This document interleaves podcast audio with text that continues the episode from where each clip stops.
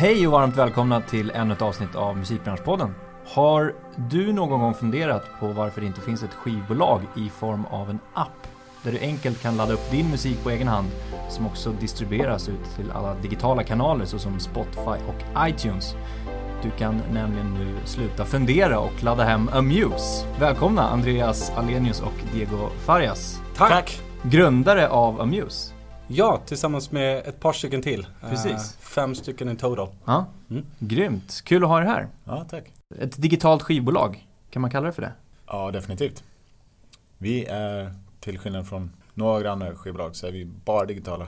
Grymt. Och det, är det så ni profilerar ut också, digitalt skivbolag, när ni pratar med andra? Jag tror att det är, det är ett bra sätt att liksom skapa differentiering eh, när man pratar. Eh, jag tror att det är ganska naturligt också för många artister som är unga. De, jag tror att de antar att skivbolag är helt digitala. Mm. Sen i verkligheten kanske i vissa fall eh, den överensstämmer inte helt och hållet med den uppfattningen. Men ehm, det, det är nog bra ur ett kommunikativt eh, perspektiv att prata om att Amuse är ett helt digitalt skivbolag. Coolt, det är en ashäftig idé. Mm. Eh, vi ska gräva ner oss lite mer i den tänkte jag också. Men ni är ju inga liksom, rookies i musikbranschen. Ni har ju varit med ett tag båda två och sen eh, övriga medgrundare också. Kan inte ni bara berätta så här kort, vad, vad, vad kommer ni ifrån och vilka är ni som har grundat Amuse? Absolut. Eh, vi är ju fem stycken nu i medgrundarteamet. Eh, med lite varierande bakgrunder. Alltifrån musik som jag och Andreas har jobbat med tidigare. Till, och Christian som har varit på Spotify. Till Guy som en gammal bankir och smart räknesnubbe. Och så Jimmy som är utvecklare. Så det är väl lite blandad kompott. Um, men bara lite snabbt vad, vad jag har hållit på med. Um, började i teknikindustrin uh, 2004. Uh, började på tradera.com och fick vara med om en spännande resa där vi blev Ebay ett par år senare. Uh, och efter det gick jag till ett uh, annat svenskt uh, teknikstartup som hette stardoll.com. Som har varit en jättesuccé internationellt. Och sen Warner Music efter det. Uh, och sen var jag på ett bolag som heter Millicom, som är ett Kinnevikbolag. Och jobbade i Sub-Sahara Afrika i 18 månader ungefär med det. Så jag har en blandad teknik och musikbakgrund och har Mm. jobbat med musik sedan 2011 ungefär. All right. Ja, Diego och jag kom in i musikbranschen ungefär samtidigt, eh, 2011. Eh, när skivbolagen eh, hade eh, Eh, insett att Spotify kommer vara någonting riktigt stort framöver och redan var det då men de förstår att det kommer bli ännu större. Eh, och de gjorde, eh, tycker vi då, smart insikt i att man kanske behöver titta utanför branschen för att hitta folk som ska leda digitala avdelningarna. Så vi kom in med båda ungefär samma uppdrag. Jag kom in till Universal Music och skulle leda den digitala avdelningen där. Och innan dess hade jag jobbat på Svenska Spel och jobbat med partnerskap och digital marknadsföring för att dra in fler kunder till svenskaspel.se. Eh, Så vi kommer båda från eh, teknik och internet kanske. Mer internet Mm. än eh, själva musik, även om vi, eller själva musikbranschen. Även om vi båda liksom, tycker väldigt mycket om musik. Mm. Har ni alltid liksom längtat efter den här teknikbiten nu som ni har gått över till lite, lite mer? N- när vi var på skivsidan menar du? Ja, precis. Ja, jag tror att när man kom in med den bakgrunden som både jag och Andreas hade så ehm, Jag kom in på Warner Music och hade väldigt mycket idéer om, om liksom hur man skulle utmana världen. Jag hade väl fyllt lungorna med den luften när jag var på Tradera och när jag var på Stardoll där allting var möjligt. Och så kom man in i skivindustrin där Eh, det, man var lite mindre förändringsbenägna och, ehm, och sådär. Och lite mer traditionella i sitt angreppssätt. Och det är väl klart att det hände många gånger, och nu talar jag bara för mig själv, att jag satt där och önskade att man kanske kunde göra mer grejer för att utmana digitalt och få göra mer grejer. Eh, sen om man satt och drömde om det här eh, tjänsten som vi har startat nu varje dag, det, det gjorde vi- jag kanske inte riktigt. Men eh, den sista tiden som jag var på Millicom så var det, hade jag väldigt många idéer om, om att starta ett bolag och försöka rätta till några grejer i industrin som, ehm, som jag kände var fel då. Så tillsammans med folk som Andreas och de andra medgrundarna så har vi lyckats skapa en jättekul eh, produkt. Mm. Eh, men det är ju resultatet av att vi har slagit oss samman liksom och funderat på de här grejerna och vridit och vänt på det och, eh, och sådär. Men det är roligt är ju liksom att när man gör det själv så kan man Vi har ju försökt forma någonting som Vad vi tror att om man skulle uppfinna ett skivbolag idag Hur skulle det se ut då? Mm. Eh, och det är liksom det kanske blir jättedåligt eller kanske blir jättebra, det får vi se. Men vi har i alla fall byggt det så som vi tror att det här är det bästa för dagens artister. Mm. Uh, och det är kul och vi är precis i början av den här resan. Vi har lanserat sedan en vecka tillbaka. Det går jättebra och det är jättekul men vi har jättemycket planer på vad vi ska bygga framåt. Och det, den takten som vi tänker oss att vi ska ha när det gäller utveckling och så. Det är svårt att ha den takten i ett stort bolag. Mm. Uh, så, våra planer där man kan uh, hoppa över allting. Arv, liksom allt när det gäller arv som teknikarv eller hur kontrakt ser ut eller liksom hur inställningar ser ut, mindsets på stora bolag. Så hoppar vi över det och tänker bara så här är det bästa, eh, bästa sättet man kan göra det på. Mm. Och så bygger vi bara det. Eh, och det är roligt. Liksom. Mm. Från idag och framåt och inte blicka bakåt. Liksom. Ja, exakt. Vi har nästan gjort en poäng av att säga att liksom, Amuse är uppfunnet idag. Mm. Uh, för att det kommer inte med de här sakerna som Andreas beskrev med liksom historisk, eh, historisk teknik kanske. Eh, många av skivbolagen sitter på ganska gamla system för att hantera eh, avräkningar av royalties eller vad det kan tänkas vara. Och, vi sitter inte med en avtalsstruktur som vi har ärvt och vi sitter inte med eh, hierarkier och, och, strukturer som är inbyggda i bolaget. Nu är det fem stycken medgrundare som är med på liksom samma terms och, och kan eh, och det, det, gör att, att vi kan röra oss väldigt, väldigt snabbt. Eftersom att vi är fem med en väldigt tydlig vision som vi är överens om tillsammans så kan man springa liksom individuellt eh, och ändå bidra mot eh, eh det stora målet.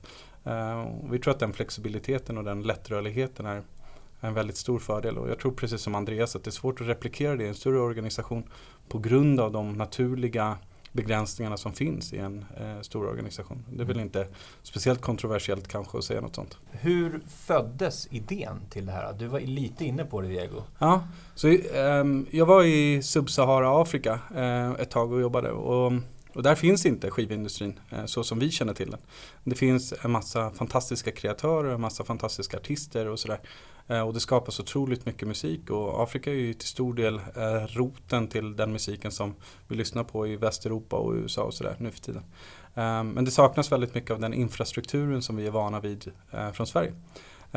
Så jag tror att efter ett tag där och efter att ha träffat väldigt mycket artister så började det komma igen ganska många mönster eh, som var liksom att det finns eh, utmaningar för artister eh, både i Sverige och i, liksom, Europa och i Afrika med att få ut sin musik på ett bra sätt och, och nå användarna och konsumenterna där de befinner sig och de modellerna som finns med, eh, med distribution kanske inte passar alla och inte funkar för alla och sådär. Det var konstigt att notera att inga av de här bolagen eh, Eh, finns i mobiltelefonen eller liksom har anpassat sina verksamheter till 2016 eh, eh, som det var då.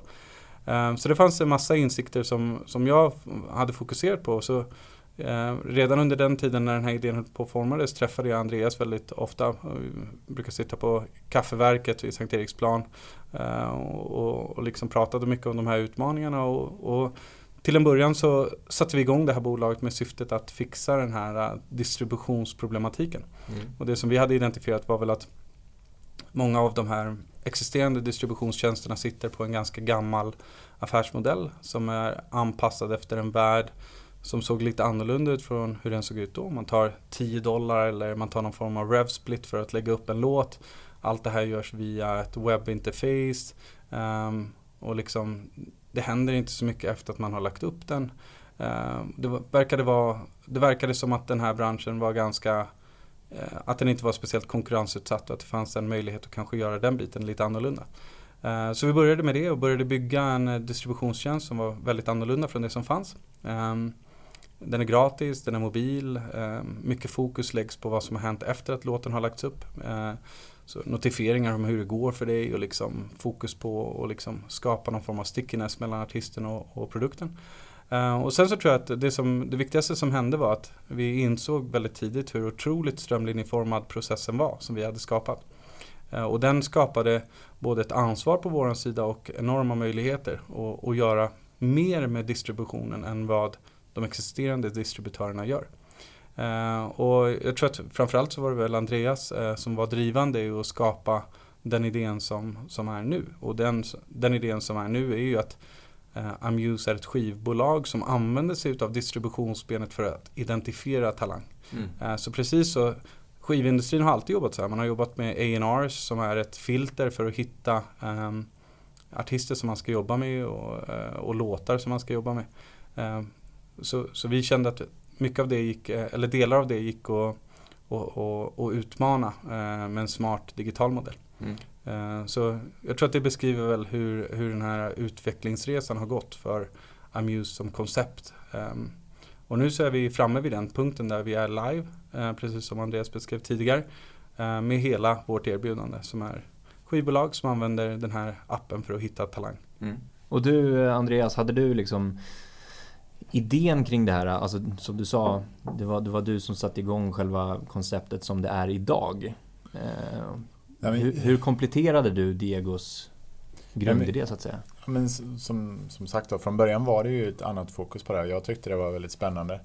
Eh, men när man satt och räknade på det och kollade liksom, var finns möjligheterna och var, hur lång tid tar det att nå de möjligheterna och så här, eh, Så kom vi fram till att det är bättre att vi, vi gör det här helt gratis. För vi pratar om hur man skulle kunna ta betalt eh, i, i, i någon slags premiumtjänst och lite olika saker. När man räknar på det så är det bättre att vi gör det här super, super eh, attraktivt för alla artister i hela världen eh, att använda oss. Så ta bort alla barriärer för att börja. Eh, så ingen kostnad, eh, ingen uppsägningstid, ingen bindningstid, inga kontrakt som säger att man måste använda oss. Ingenting som gör att det liksom känns dåligt i magen att använda oss och att det ska vara superroligt att använda oss.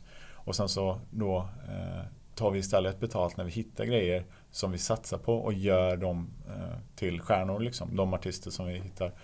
Eh, du brukar säga Andreas att på den här första delen, distributionsbiten, så adderar vi inte speciellt mycket värde. Uh, och den delen där vi faktiskt adderar värde, alltså labelbiten, mm. där vi måste göra jobb och där vi måste investera pengar. Där känns det mer rättvist, liksom, om man ska använda rättvis som någon form av term här, eh, att, att, ta betalt för det som vi gör och ta en cut på, på det som tjänas in. Eh, för att den här distributionsdelen, den är ju liksom det är jättebilligt att göra det nu för tiden. När, när TuneCore och de här stora tjänsterna satte igång och satte prismodellen som sen har varit rådande i den här industrin. Då fanns det inte cloud hosting. Eh, och liksom ladda upp en låt, det krävde någon form av fysisk server kanske. Eller mm. någonting sånt. Och det är lätt att se att kostnaden för det skulle kunna rättfärdigas med 10 dollar. Eller att, att ett album skulle kosta 40 dollar. Men, eh, men nu är det 2017 och det kostar inte längre eh, de summorna. Det och en, en, en, en ambition vi har är ju att vara jätte, jätte eh, fokuserade på att vara artist friendly och, och vara på artistens sida i det här. Mm. och prismodellen där man tar 10 dollar per år 10 dollar är liksom en kaffelatte, det, det, spelar ingen roll. Men för många artister så kan det ändå vara mycket pengar. Du kanske pluggar för du är inte, du är inte en, eh, en breakad artist som tjänar jättemycket pengar. Du har inte så mycket pengar. Och till exempel ett album då för 40 dollar eller 40 euro vad det kan kosta. Det är inte heller så mycket. Men tanken är att musik ska finnas tillgänglig år efter år. Om du ska betala det varje år så blir det ganska mycket pengar för en artist. Och du lägger eh. till fem låtar och ditt andra mm. album och ditt tredje album. Plötsligt sitter du och betalar kanske 2000 kronor per år och plötsligt har den där kostnaden blivit mer eh, större än bara en kaffelatte. Och, och framförallt är det så här att andra året av många av de här, alltså bulken av artister tjänar ju inte tillbaka 40 dollar år två. Mm. Och då står man inför frågan, ska jag plocka ner mitt album? Eh, så, men då kan ingen lyssna på det längre. Eh, eller ska jag betala 400-500 kronor? Eh, och det känns bara, det kostar ingenting för oss att ha någons musik uppe mm. Hela tiden. Nej. Det kostar oss väldigt, väldigt lite att skicka en artist album eller låtar till de här tjänsterna. Så det är också viktigt för oss att, att vi har ett attraktivt erbjudande för alla artister. Sen kommer vi inte vilja jobba med alla artister för det, det är inte så musikmodellen funkar eller musikbranschen funkar utan vi kommer välja ut några artister som vi tror på och de kan acceptera att jobba med oss eller så ligger de kvar och kör allting själva eller så kan de signa med ett annat bolag.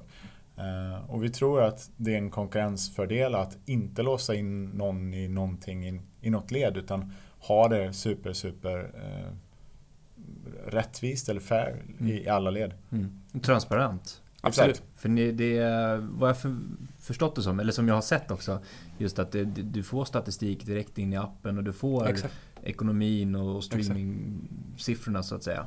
Men jag tänker så här, hur fungerar det rent praktiskt om du är en artist nu då Mm. och eh, signar upp? Vad händer?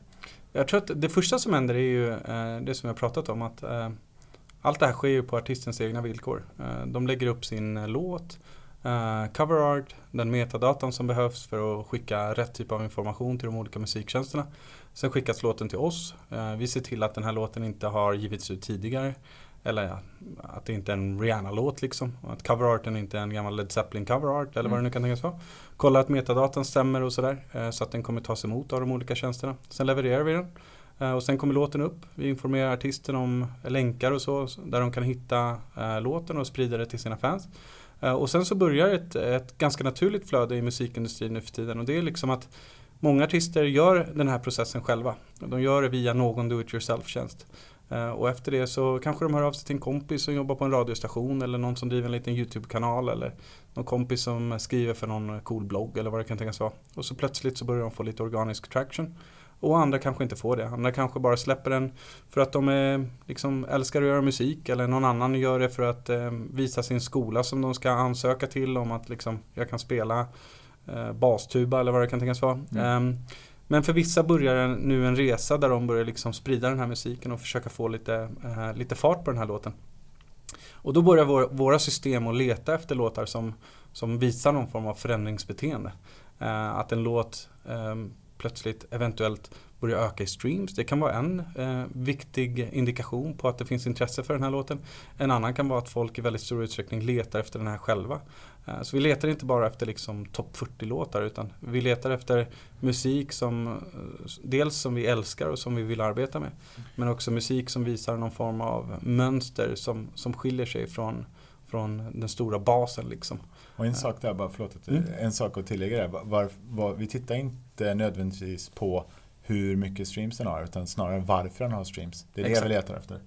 Eh, för att, att en låt eh, går bra och börjar få mycket streams, antingen på Spotify eller på Soundcloud. Så det är ganska, det är ganska publik information som alla kan se. Men eftersom vi har de här direktdeals med de olika tjänsterna så får vi tillgång till mycket mer detaljerad data och då kan vi analysera och se varför det går bra. Mm. Och ett, en låt som går bra bara för att den läggs till en jättestor spellista behöver ju inte betyda att vi vill jobba med den artisten eller tror att det går bra. Utan, utan det, det är snarare att förstå Mm. varför, varför den här förändringen sker. Mm. Jag tror att det är en viktig distinktion och bara för att hamra in den punkten ännu mer. Det finns väldigt mycket data som väldigt många bolag tittar på. Och den datan som de samlar in är ju i allra flesta fall publik data. Eh, Och det enda sättet att få den mer detaljerade datan är att ha en relation med artisten i fråga. Eh, och, och den relationen skapar vi genom att vara deras distributör. Mm. Så då får vi väldigt, väldigt granulär information som gör att vi kan ställa oss ett par frågor och vi kan börja bryta ner den här informationen. Och det gör att vi kan hitta och signa saker som kanske inte skulle ha signats utav Warner Music eller någon av de andra skivbolagen. Nu nämnde jag Warner eftersom att jag jobbade där förut. Mm. Men jag vill inte single out Warner på något sätt. Men eh, jag tror att det, det, det skapar en väldigt spännande story för oss där vi kanske hittar ett liksom kängpunk- kängpunkband som har en jättesolid fanbase som lyssnar på dem varje dag, hundratals gånger om, om dagen. Liksom. Och det skulle räcka för oss för att, för att göra den investeringen som behövs för att kanske öka den fanbasen lite grann. Ehm, så vi, vi, vi letar inte bara efter Sara Larsson liksom, utan vi tror att det finns en, en väldigt spännande, rolig, demokratisk aspekt här. Eh, där en låt kan bli signad utan att artisten kom in innanför, eh, innanför dörren hos oss och synades upp och ner för att se om den är snygg och, och cool och sådana där saker. Utan, eh, datan är inte lika eh, känslig med sådana saker. Eh, Datan är, är inte diskriminerande på det sättet utan eh, Men samtidigt handlar det om att vi ska hitta artister som vi tycker om och tror på. Självklart. Eh, också, som vi känner, att vi känner någonting för, som vi kan eh, som vi brinner för och kommer kämpa för. För att Mhm. det är ju det det handlar om till slut. Så att systemen vi har eh, utvärderar eh, inte nödvändigtvis allting. För det, utan det är snarare att det lyfter upp det till ytan. För att Mm. Eftersom vi är gratis så kommer vi få väldigt många releaser och det har vi redan sett. Eh, och då kommer man inte kunna sitta och lyssna igenom allt. Det är inte så det funkar utan vi behöver system som flaggar grejer. Titta Mm. närmare på det här och så tittar man närmare på det och så kanske man eh, pratar med artisten och man kollar närmare och känner att det här är ju superspännande. Vilken, vilken skön person eller vilken skön story det finns bakom varför det går bra och varför, varför många är intresserade av det här. Eh, så systemen hjälper oss att lyfta bra grejer till ytan så vi inte missar dem. Mm. Ja, för det var det jag funderade på lite grann också. För det, det har uttryckts lite grann eh, ute i media sådär, man letar efter tack, eller via algoritmer och, mm. och, att folk har fått bilden att det kanske bara är man tittar på siffror och säger att yes, den har streamat jättemycket, vi signar den.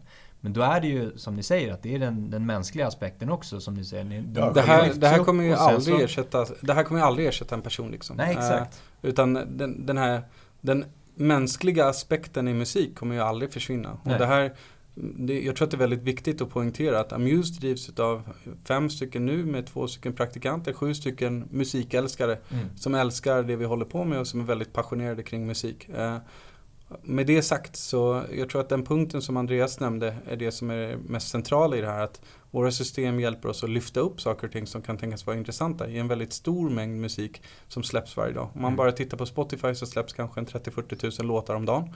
Uh, om man inkluderar Soundcloud i det så springer den siffran iväg. Om man inkluderar Bandcamp, och man inkluderar massa andra sådana um, artistsajter så är siffran jätte, jättehög mm. med låtar som släpps varje dag. Vi vill eh, kunna hitta en massa olika saker som vi skulle kunna tänkas jobba med. Men i slutändan så kommer de besluten fattas utav människor som älskar musik, som brinner för ett musikprojekt. Och det, den saken kommer aldrig förändras. Även om Amuse blir jätteframgångsrika och våra algoritmer blir jätteframgångsrika så kommer det inte handla om att det är en, en robot eh, som sitter och eh, hittar någonting, signar någonting och försöker eh, utveckla den här artisten. Det och det man, ja, för att göra en liknelse för vad, vad våra system gör. Det mm. är, eh, oh, sorry. Eh, det, en liknelse för vad våra system gör är ju att eh, förr så kunde man som A&R liksom gå på en spelning och så tittar man på artisten men man ställer sig också med ryggen till artisten och tittar på hur publiken reagerar på låtarna. Mm. Det är det våra system gör i skala. Titta på hur lyssnare reagerar på låtar. Det är inte, vi går inte igenom eh, låtarna och, och analysera tonarter och, och liksom ackord och så säger man men de här ackorden är inte populära för att vi behöver ha det här och så letar vi upp liknande låtar och så ska vi hitta Nej. Avicii 2 eller Sara Larsson 3 liksom. Det är inte det vi vill göra utan den, den tittar bara på lyssnarna eh, och då kan det vara att vi hittar eh, över hela världen så hittar vi 10 000 som älskar punk som mm. ett ett skivbolag som är baserat i, i, i, Sverige som tittar på den svenska marknaden ser att ja, men det finns bara 300 punktlyssnare i, i Sverige, säger vi av någon anledning.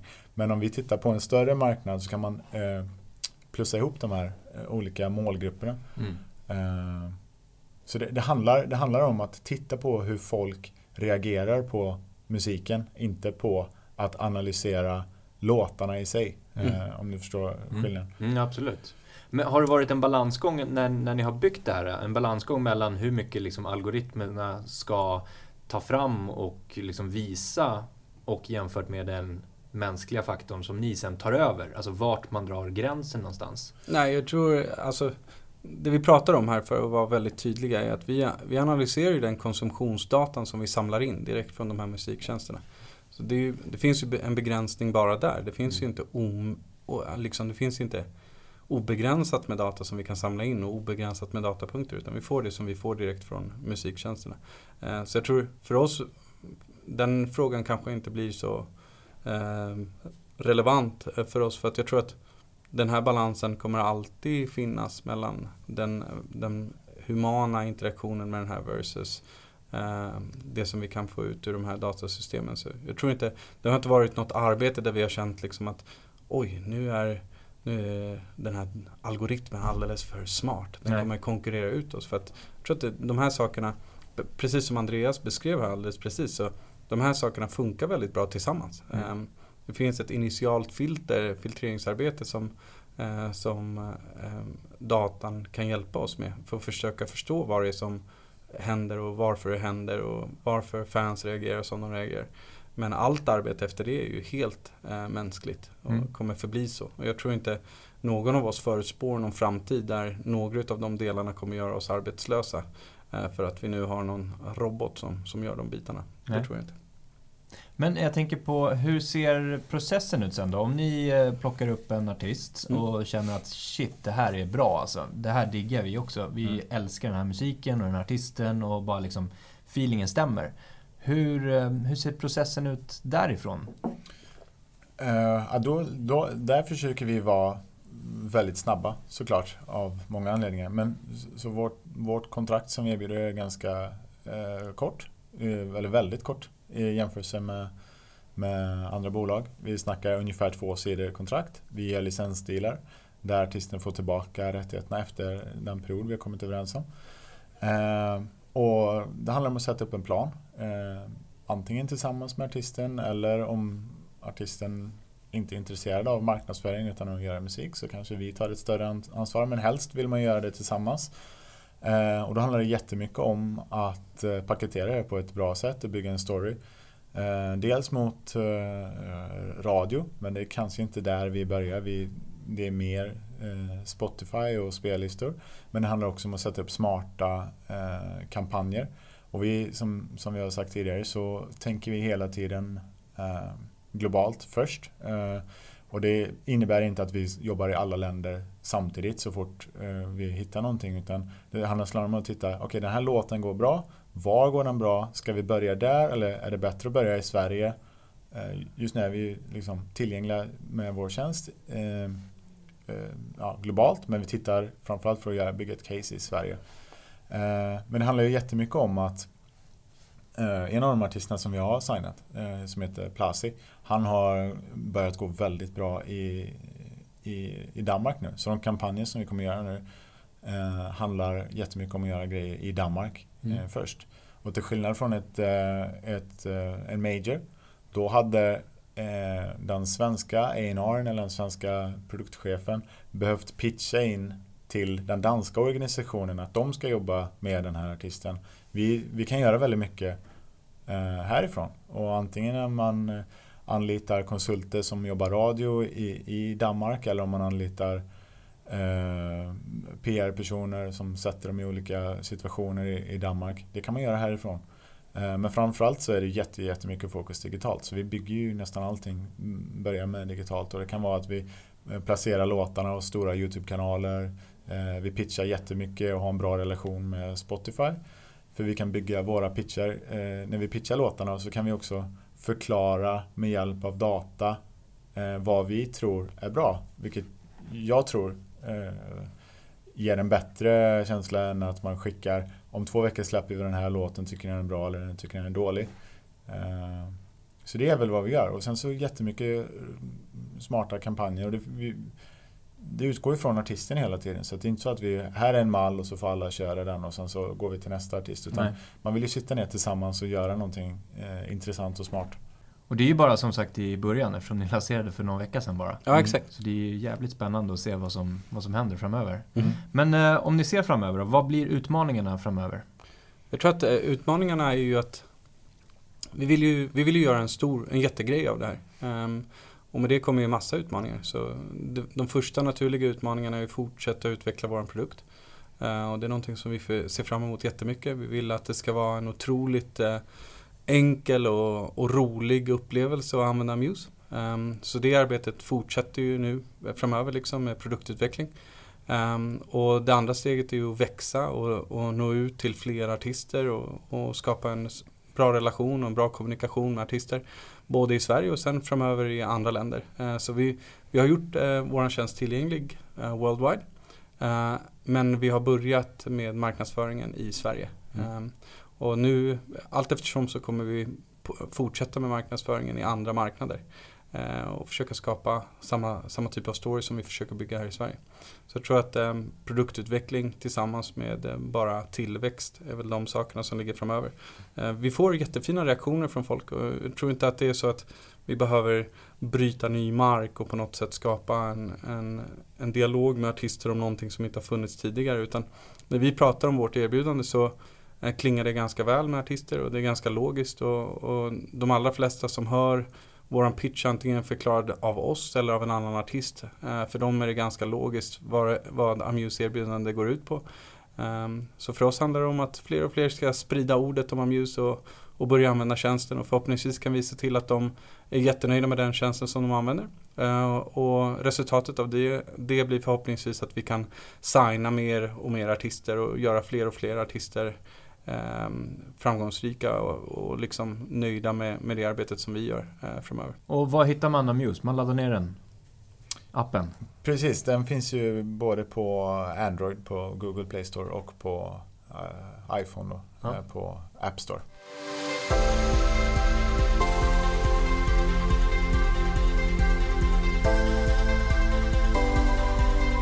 Jag tänkte så här om vi ska gå in på er som personer bara lite grann också. Inspirationsmässigt. Eh, vad, ni pratar om eh, ett musikintresse. Var föddes det någonstans? Om vi börjar med dig Andreas. Jag vet inte. Ehm, eh, eh jag började väl intressera mig eh, mest för musik i mellanstadiet någon gång. När det var den här hiphop, de första, eller kanske inte första, men i, i, i min vuxna ålder eller vad man ska säga. Första hiphopvågen med eh, vad var det då? Uh, Cypress Hill och Ice Cube och, mm. och Wu-Tang Clan kom lite senare. Och, men det var jättemycket hiphop i mellanstadiet, högstadiet. Uh, även gymnasiet. Uh, sen har jag alltid varit intresserad av, uh, jag tycker alltid tyckt det var kul att liksom läsa musikbiografier och, och, och, läsa gamla rövarhistorier om musikbranschen. Och så här, jag tycker det är skitkul att läsa med Walt Jetnikoff, självbiografin och Have Gun Will Travel om uh, Shug, uh, Shug Knight och, och, Death Row och allt det där. Mm. Så det är, jag är ganska länge varit intresserad av branschen även om jag inte riktigt hade sett framför mig att jag skulle jobba i musikbranschen. Mm. Uh, om min musiklärare skulle veta att jag jobbar i musikbranschen skulle han säkert bli ledsen. Men, uh, för jag är totalt obegåvad när det gäller att skapa musik. Men jag tycker det är väldigt intressant och kul med eh, liksom hur, man, hur man hjälper artister och, och, bygger, bygger någonting bra för framtiden. Mm. Och hur hittade du det då? Liksom, att du kom in i, att du visste att du skulle komma in på något sätt och hjälpa artister? Jag vet inte, det, det var väl på när man var på Universal. Det jag tyckte var roligast var kanske lanseringen av Sara Larsson i, i Sverige. Då var man såg någon så här supertalang. Hon hade vunnit Talang. Mm. Eh, eh, för några, när hon, ja, fyra, fem år tidigare innan vi lanserade henne i Sverige. Eh, den resan är mycket roligare tyckte jag än att man eh, bara skulle se till att den här stora artisten fick den kampanjen som den förtjänade. Eh, och sen så kunde man checka av det och sen gå på nästa. Det var roligare att ta det här, okej, okay, Icona Pop och I Love It och hur gör man den megahitten som man bara hörde när man, när man hörde den första gången. Det här är ju stort. Mm. Likadant egentligen med Avicii, även om han var jättestor men eh, Wake Me Up och hur man skulle sätta de här globala planerna för Avicii tillsammans med Spotify som var väldigt delaktig i det. Så det var ju hela den här resan var alltid mycket roligare än att förvalta mm. någonting som redan var stort. Har du klättrat på något sätt? Liksom? Ser du någon tydlig stege i din karriär hur du har klättrat från eh, på Universal och på den rollen du hade på Universal? Du kanske har haft flera roller? Ja, jag började som uh, Head of Digital eller digitalchef och sen mm. så blev jag commercial director eller ja, ansvarig för all försäljning på Universal i Sverige. Så mm. då hade jag även hand om fysisk försäljning och affärsutveckling och spin-up och, och några andra grejer. Hur länge var du på Universal? Eh, fem år. Fem år? Ja. Mm.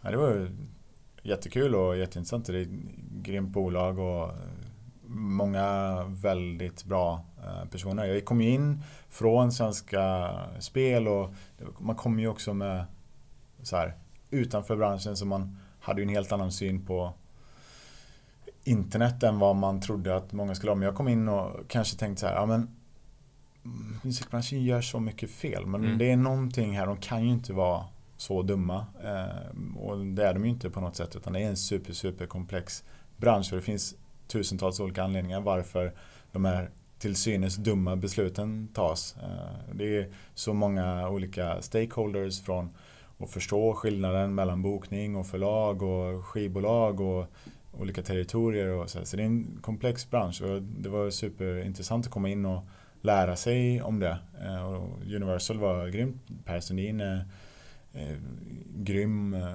ambitiös och liksom visionär ledare och ville ta Universal framåt och blicka utanför Sverige med många av signingarna med Avicii och Tove Lo och sådana grejer. Så det var superkul att vara där. Men kändes det jobbigt att lämna på något sätt? Ja, absolut. Ja. Det gjorde det. Men eh, det jag håller på med nu med Diego och de andra är ju Eh, någonting som jag inte hade kunnat göra där. Eh, det är svårt att vara entreprenör på ett sånt storbolag och de måste skydda sina intressen och, och sådär och kan inte ta samma typ av stora steg som vi hoppas kunna ta. Mm. Å andra sidan kanske åt andra hållet att du inte skulle kunna göra det du gör nu om du inte hade jobbat på Universal i fem år. Nej, ja, men så är det. Ja, definitivt. Nej, det hade tror jag varit svårt. Mm. Eller, Ja, men det är Jättesvårt. bra att liksom få, få veta det också utifrån. Vi jobbar ju med många elever till exempel i utbildningarna. Så, så ser man att ja, men jag ska ta min idé och göra det nu. Men jag har ingen erfarenhet. Men jag kommer, jag kommer lära mig allt eftersom. Men att man måste skaffa sig erfarenhet. Man måste skaffa sig kunskap om saker och ting. Och det gör man ju genom att jobba, genom att utbilda sig och så vidare. Helt klart. De här 10 000 timmarna är det inte alla som eh, förstår att man, man måste faktiskt göra det. Och speciellt i, det finns fördelar och nackdelar av att inte eh, kunna musikbranschen. Jag tror, eh, nu en hobbyanalys här, men Daniel Ek och Martin Lorentzon kom inte från, från musikbranschen. Ingen från musikbranschen hade kommit på idén att ge bort musik gratis mot reklam och sen hoppas att någon ska börja betala för det i framtiden. Det, det hade inte hänt. Nej. Så det finns jättestora fördelar att komma utifrån och in. Men det är också en väldigt, väldigt komplex bransch så man måste sätta sig in i det. Mm. Diego, Mm. hur föddes ditt musikintresse?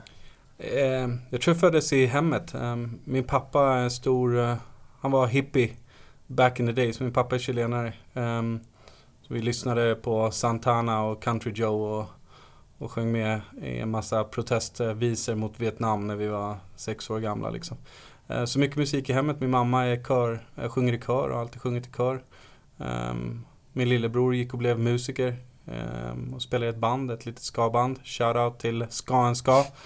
De har jag faktiskt spelat med en gång i tiden. Lägg av! Det är helt otroligt. Det kommer jag ihåg. De hade, eh, de hade tagit Skanska, Ja, alltså företaget, byggföretaget Skanska. Deras logga hade de tagit och sen omformaterat den till deras logga. Det är genialiskt, naturligtvis. Ja, Ja, ja, ja. Nej. Jäklar, det här var länge sedan. nej de spelar fortfarande. De eh, har lite, eh, en liten miniturné i England här i sommar bland annat. Ja, vad kul. Eh, och det har varit jättespännande att få se min lillebror och hans artistbana, liksom artistkarriär med bandet och liksom fått följa den grejen de senaste, vad det nu kan tänkas vara, 15 åren nästan.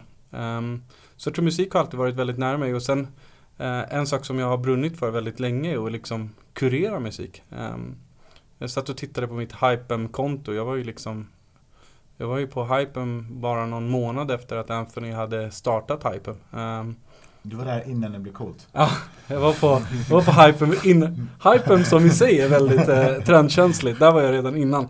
Nej men eh, jag, hade, jag fick faktiskt träffa eh, honom när han var i Stockholm för ett gäng år sedan. Eh, då var jag på Stardoll fortfarande. Ehm, så jag har alltid hållit på och kurerat musik och liksom sparat favoriter och delat dem med folk och började skapa playlists på på Spotify väldigt tidigt och dela dem och jag har alltid känt det intresset och varit intresserad av att DJa och suttit hemma med allt ifrån Ableton till eh, suttit lite med traktor och sett om, om liksom jag skulle kunna köra på riktigt, eh, vilket jag inte kan. eh, och jag har väl alltid motbevisats av min totala brist på musiktalang men, men jag är väldigt passionerad kring musik och, och älskar att vara liksom, ja, en väldigt aktiv lyssnare av musik kan man väl säga. Och hur tog du, in dig, tog du dig in i branschen då, så att säga? Jag tog mig in på samma sätt som Andreas tog sig in. Ehm, och det var att ehm, jag var på eh, jag hade jobbat med, med digital marknadsföring väldigt mycket och skapat ett kontaktnät inom det och sen så höll eh, Björn Lindborg och Jakob K och, och gänget på Warner Music på och letade efter någon som kunde driva det digitala teamet ehm, framåt och man hade väl precis som Andreas var inne på tidigare med Universal hade man väl insett att det skulle säkert inte skada om man hade någon som kom utifrån och hade liksom de digitala kunskaperna som man skulle behöva. Mm. Eh, Så jag kom in på Warner Music på det sättet, fick chansen att jobba under Björn Lindborg som eh, hade en massa stora idéer om hur han skulle förändra både Warner Music och musikindustrin. Och tillsammans så gav vi oss in på en en stor förändringsresa som, Eh, som fortsatte efter att vi båda slutade där. Och när jag tittar på Warner Music nu för tiden, jag sa det till Magnus eh, som är eh, general manager nu för svenska Warner Music. Träffade han förra veckan och konstaterade att det känns som att Warner Music har lyckats genomföra den resan och, skapat ett jättespännande team och tänker på musikindustrin kanske lite annorlunda från hur, hur det var när jag kom in på Warner Music. Så det tycker jag är jätteroligt att se att de har liksom genomfört det stora generationsskiftet som ändå krävdes. Ehm, så det är spännande. Mm. Var det jobbigt för dig också att lämna? Eh, att lämna Warner Music? Ja. Nej, det var inte så. Det var inte kanske likadant som det var för Andreas. Eh, men jag lämnade ju Warner Music och började jobba med musik, så jag gick från musik till musik. Mm. Så det var väl eh, var spännande att få testa på nya grejer eh, och göra annorlunda grejer. Så både jag och Björn var inblandade i det här Millicom-projektet initialt. Eh, och fick jobba i en jättespännande marknad, eh, Sub-Sahara-Afrika, där allting ser annorlunda ut. Um, så det var, det var spännande och utmanande skulle jag säga. Mm, och vart i hela den här resan träffades ni två? Så vi, eh, vi träffades, när, när båda vi började på respektive skivbolag, Andreas på Universal och jag på Warner Music. Så, blev vi introducer- så var det en gemensam bekant till oss som sa att ni är båda liksom eh, färska i den här industrin, ni borde ju träffas. Eh, så där började vi umgås och sen så både jag och Andreas bor runt Sankt Eriksplan. Eh, så vi springer på varandra alldeles för ofta, eller vi sprang på varandra allt för ofta, nu jobbar vi tillsammans. så någonstans när jag höll på och slutade på Millicom och den här idén höll på att kicka igång så träffades vi allt för ofta på kaffeverket vid Sankt Eriksplan. Och mm. det var antingen jag och Andreas eller jag och Andreas och hans fästmö och så satt vi där och, och snackade och liksom idéer formades och Andreas hade massa åsikter som han alltid har. eh, och någonstans där började arbetet liksom. Men om man säger så här då, hur, vad skulle ni ge för tips till artister som signar upp på Amuse till exempel då? Eh, vad, vad gör man när man har gjort det? Eh, man, man behöver, eh, som man behöver oss alla. Mm. Man, man, måste sätta igång och arbeta sin musik. Det vill säga se, se till att den sprids och ha en, försöka ha en egen plan vad man vill göra. Eh, om det är att eh, pitcha den själv mot Spotify eller, eller mot radio eller skicka den till bloggar och försöka få mycket lyssning på YouTube eller Soundcloud. Du behöver hassla liksom och göra alla de grejerna själv tills du kommer till en viss nivå så att någon kan komma och hjälpa dig att ta det extra klivet. Men den första, det går inte bara, för de allra flesta i alla fall, går det inte bara att släppa en låt, eh, luta sig tillbaka och titta på den och se hur den liksom bara tar fart. För det mm. händer inte. Precis. Eh, så man måste hassla det första. Eh, och sen så förhoppningsvis så upptäcker vi dem. Och då kommer vi och så eh, hjälper vi till att ta det extra klivet som krävs efteråt. Mm. Med tror... marknadsföring, PR och, och, pengar. För det kostar pengar att ta det klivet också. Mm. Och det är det vi kommer in och, och, hjälper till med. Jag tror att det är intressant att liksom, eh, det är verkligen en industri där man producerar och, och liksom ska marknadsföra sin egen musik och, och, och, kravet att man ska göra det är ganska tydligt. Men kunskapen om hur man gör det kanske inte är någonting som någon har lärt en eller man har kanske inte man har satt sig och lärt sig spela piano hemma eller gitarr hemma och man har aldrig hört talas om marknadsföring och sådana där grejer. Och jag tror att det är, det är intressant eh, och det är någonting som artister behöver ehm, uppdatera sig på och känna till spelreglerna för industrin dels så att de, de vet vilka rättigheter och skyldigheter de har och sen lära sig lite om hur man kan få ut musiken. Det finns jättemycket bra information på nätet som man kan läsa på alla möjliga typer av bloggar med tips och råd och sådär. Vi hoppas att vi kommer kunna tillhandahålla den typen av information också och skapa någon form av utbyte mellan artister om hur de kan liksom få igång sin karriär eller vad det kan tänkas vara. Men, men det är väldigt viktigt det som Andreas säger att ansvaret på det, för att göra det här ligger hos artisten. Mm. Eh, både att informera sig om hur man gör och sen faktiskt genomföra det första arbetet. Det är... och, och, det, och det är det första steget som vi pratar om. Liksom. Det är, vi vill ju komma in och hjälpa till eh, så mycket vi kan. Men det finns ett första steg som man måste ta själv.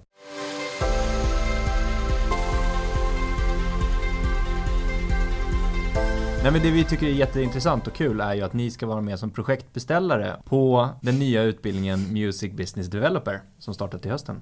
Ja, precis. Vad, vad förväntar ni er av studenterna, om man säger så? Sätta lite press på de som ska söka.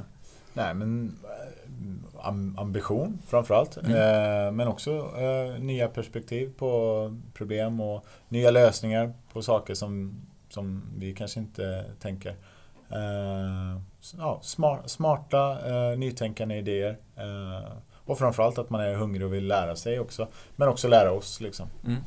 Så en kombination av det. Och eh, om ni ser liksom, ni, ni har ju sett säkert många, många praktikanter och anställt många personer som kommer från utbildningar. Vad bör man tänka på som person när man går från en utbildning och går via en praktikplats och sen får ett erbjudande om en anställning? Vad ska man tänka på eller om man kommer direkt från en utbildning? Jag tror att det skiljer sig väldigt mycket från individ till individ. Liksom. Och mycket av det är ju personlighetsrelaterat. Ehm, som ny kanske man är överdrivet eh, sugen på att visa vad man har lärt sig i skolan eller så kanske man är överdrivet eh, tillbakadragen eller någonting sånt där. Det blir kanske eh, man får hitta någonstans mitt emellan. Men jag tror att det viktiga för oss är ju som sagt var att man, att man vågar ta initiativ. Liksom. Att man vågar ehm, göra någonting och, och, genomföra det. Och jag tror att eftersom att Amuse är ett väldigt litet bolag så finns det ju möjligheter att göra väldigt mycket själv. Och då behöver man vara ganska självgående och liksom kunna ja, tänka efter själv och dokumentera det man gör och följa upp och sådana här saker. Härligt. Stort tack för idag och stort tack för att eh, du har lyssnat och eh, gå gärna in och följ eh, podden, prenumerera på podden såklart och eh, som alltid hör av er till oss ifall ni undrar något, dmgeducation.se och ni kan mejla mig såklart direkt andreas at dmgeducation.se. Stort tack för idag Andreas och Diego. Tack så tack mycket.